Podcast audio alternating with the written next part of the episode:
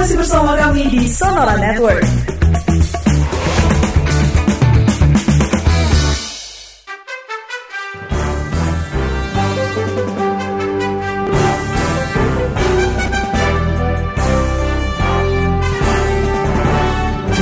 Redaksi Kompas Bicara. Sahabat Sonora Network dan juga Smart Listener, selamat pagi untuk Anda semua pagi hari ini. Di segmen redaksi Kompas Bicara, kita akan mengulas beberapa berita yang dimuat harian Kompas yang terbit hari ini di hari Jumat tanggal 2 Juli 2021. Jangan keluar rumah dua pekan, itu judul berita utama yang ada di headline Kompas hari ini. Dan uh, ini mengingatkan kita bahwa PPKM ini akan segera diberlakukan 2, uh, 3 Juli besok ya. Uh, seperti apa kemudian uh, supaya betul-betul efektif dan berhasil PPKM ini menekan lonjakan COVID-19 ya. Kita akan membahasnya bersama dengan uh, Mas Tra ya, Tri Agung Kristanto, Wakil Pemimpin Redaksi Harian Kompas. Selamat pagi Mas Tra. Selamat pagi Yudi, selamat pagi sahabat Sonora dan Smart Listeners. Salam sehat Salam, selalu. salam sehat juga untuk Mas Tra dan rekan-rekan Ya. Harian Kompas.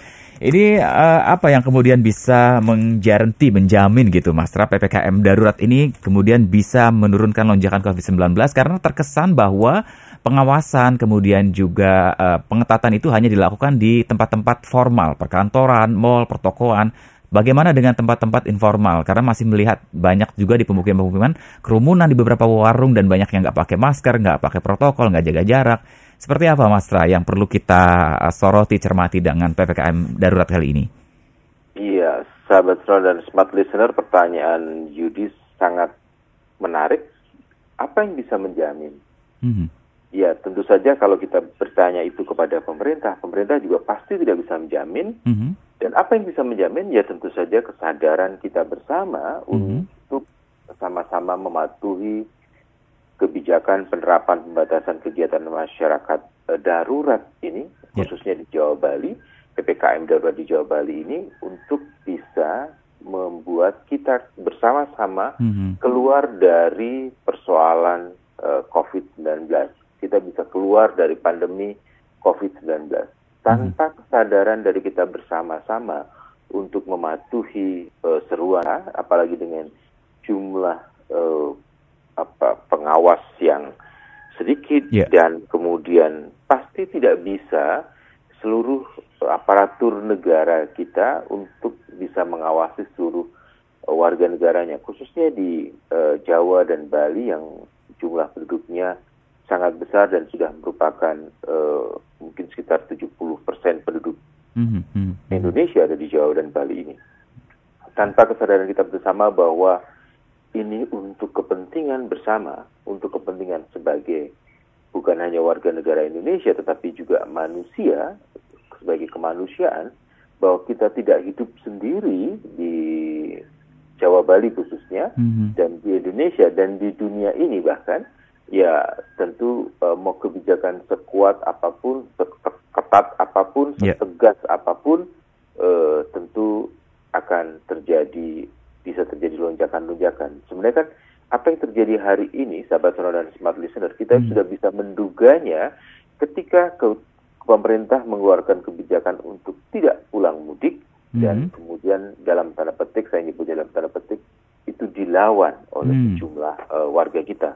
Ya eh, dalam bahasa Jawa kita mengenal apa yang disebut dengan metik wahing pakar, Mhm. Mhm. artinya memetik dari buah perbuatan kita bersama. Mhm. Ya hari ini harus kita eh, Resiko apa, konsekuensinya ya. sekarang terjadi dan dan saya percaya bahwa siapa pun yang eh, menjadi korban mungkin di antara kita ada orang-orang yang pada waktu itu melawan eh, seruan untuk tidak mudik tetapi juga ada juga orang-orang yang pada saat itu patuh dan tidak pulang mudik Iya. dan sahabat sonora smart listener Yudi bisa lihat pada hari ini eh, data yang ditampilkan oleh harian Kompas dan tentu saja kompas.id Mhm. eh, mengacu pada data menurut Kementerian Kesehatan eh, hari kemarin hari Kamis tanggal 1 Juli 2021 kasus COVID di Indonesia sudah menembus angka yang menurut saya sangat tinggi ya Mhm, mhm. karena kemarin penambahannya hampir 25.000 24.836 orang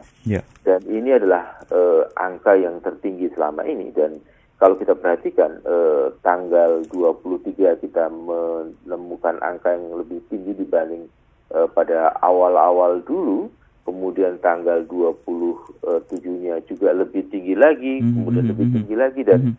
Eh, kemarin kita menemukan di angka nyaris 25.000, 24.836 orang. Ini tentu bukan angka yang kemudian untuk menakut-nakuti, gitu. Eh, karena ini ini bahkan oleh sejumlah kalangan, eh, Yudi kita tahu Iya. ketika kemudian angka itu dimunculkan, bisa jadi eh, realitas di lapangan bisa dua kali lipat, bisa tiga kali lipat, bahkan ada banyak yang memperkirakan itu empat kali lipat dari dari sesungguhnya. Eh, ini tantangan jadi pemerintah. eh, cobalah untuk mematuhi dan kita bersama-sama untuk menghormati. Tentu saja ada Ya. beberapa kebijakan eh, atau pengecualian dalam bidang ini. Sahabat Sonora Smart Listener bisa bacanya di halaman Kompas. Iya. Baik, menarik sekali sahabat Sonora. Memang jangan sampai kampanye-kampanye yang selama ini sering kita dengar terkait protokol kesehatan ini menjadi sesuatu yang kemudian dianggap klise, keluar masuk ke telinga gitu, ke telinga kanan, keluar telinga kiri seperti itu.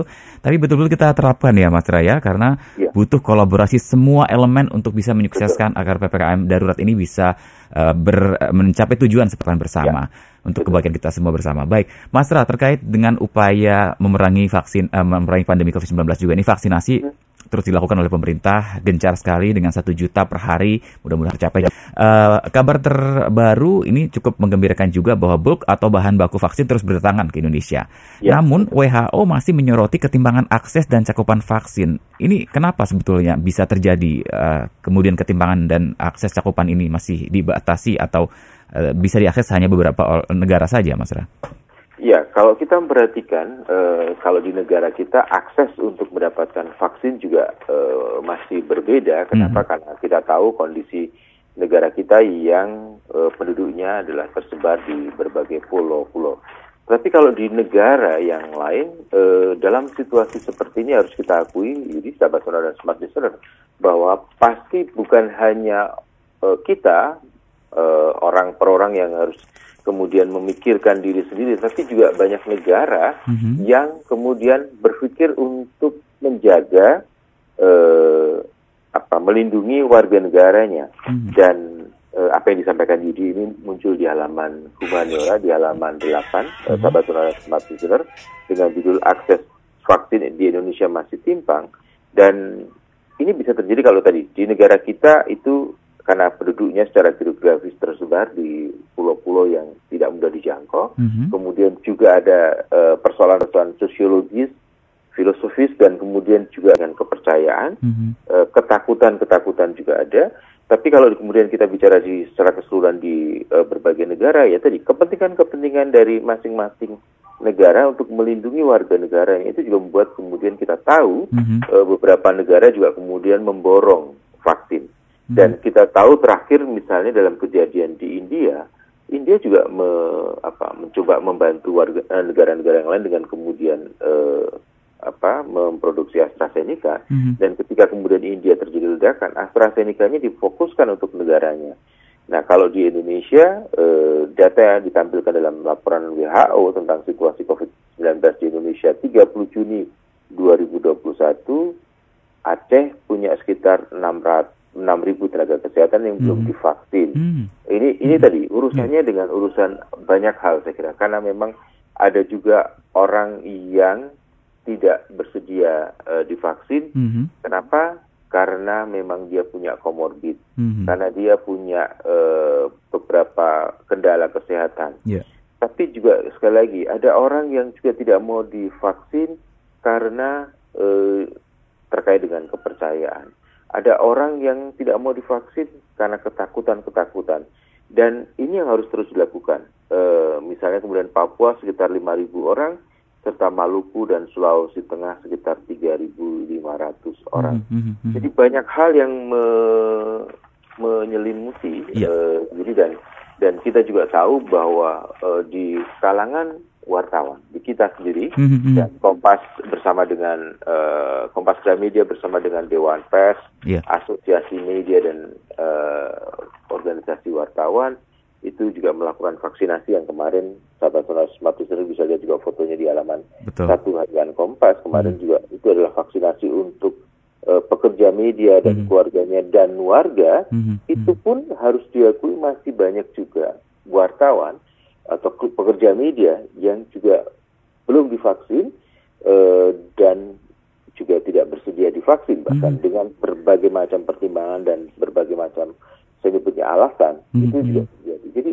ketimpangan ini bisa sangat terjadi dengan dengan berbagai macam latar belakang dan faktor. Jadi Ya, kita bersyukur di dunia media banyak sekali eh, institusi yang kemudian tergerak untuk melakukan vaksinasi untuk kelompok profesinya dan mungkin akan lebih em, menarik lagi, akan lebih bijak lagi kalau banyak profesi lain, kelompok profesi lain juga melakukan hal yang sama, masalah seperti itu ya, karena betul. untuk memperluas akses vaksinasi ini seperti itu. dan, dan juga untuk eh, anak usia 12 sampai dengan Iya, 17, 17 tahun, eh, sahabat smart listener di DKI Jakarta Sudah dimulai ya? mulai kemarin Mhm, dan betul. ada ada laporannya di halaman 12 dalam bentuk foto Mhm. tetapi di banyak daerah bahkan tadi yang dilaporkan di untuk yang harusnya menjadi yang diutamakan eh, mereka yang bekerja di bidang kesehatan tenaga kesehatan itu pun masih ada yang belum Mhm. Eh, ada beberapa daerah yang untuk masuk kepada eh, usia-usia lansia juga belum Hmm. sekali lagi banyak harangi ketidakmauan Ya. atau ketidaksiapan dari eh, mau dari pemerintah daerah, dari tenaga kesehatan maupun dari masyarakatnya Yes. dalam konteks eh, vaksinasi ini. Jadi, Kita suarakan terus vaksin aman dan sehat ya untuk semua masyarakat. Kita ikhtiar terus untuk mengakhiri pandemi dengan mendukung vaksinasi ini baik. dan dan saya Yes. kira eh, kalangan media termasuk kita Mhm. eh, Yudi itu punya pengalaman secara langsung Yes. bagaimana sudah divaksinasi. Eh, saya divaksinasi dengan eh, Sinovac dan baik-baik saja. Kemudian ketika saya terpapar cepat sekali kemudian sembuh.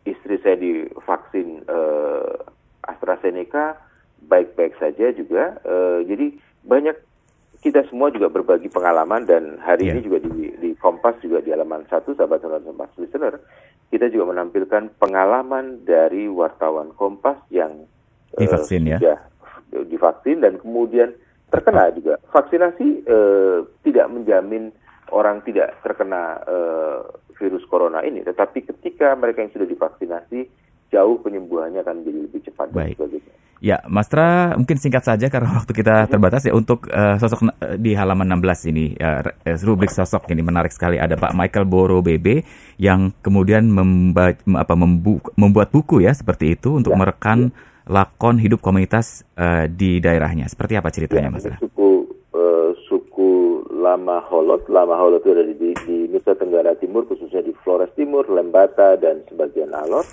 Pak Michael Boro Baibe ini merasa eh, malu sebagai warga suku Lama Holot, tetapi buku tentang Lama Holot itu ditulis oleh orang asing dan Baik. ini dia memunculkan itu.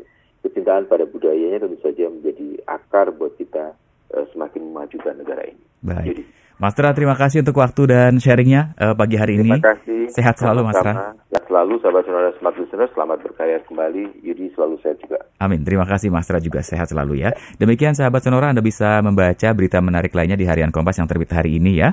Atau Anda bisa membaca versi digitalnya sahabat Sonora dan juga smart listener di Sonora di eh, versi digitalnya di kompas.id. Demikian redaksi Kompas Bicara.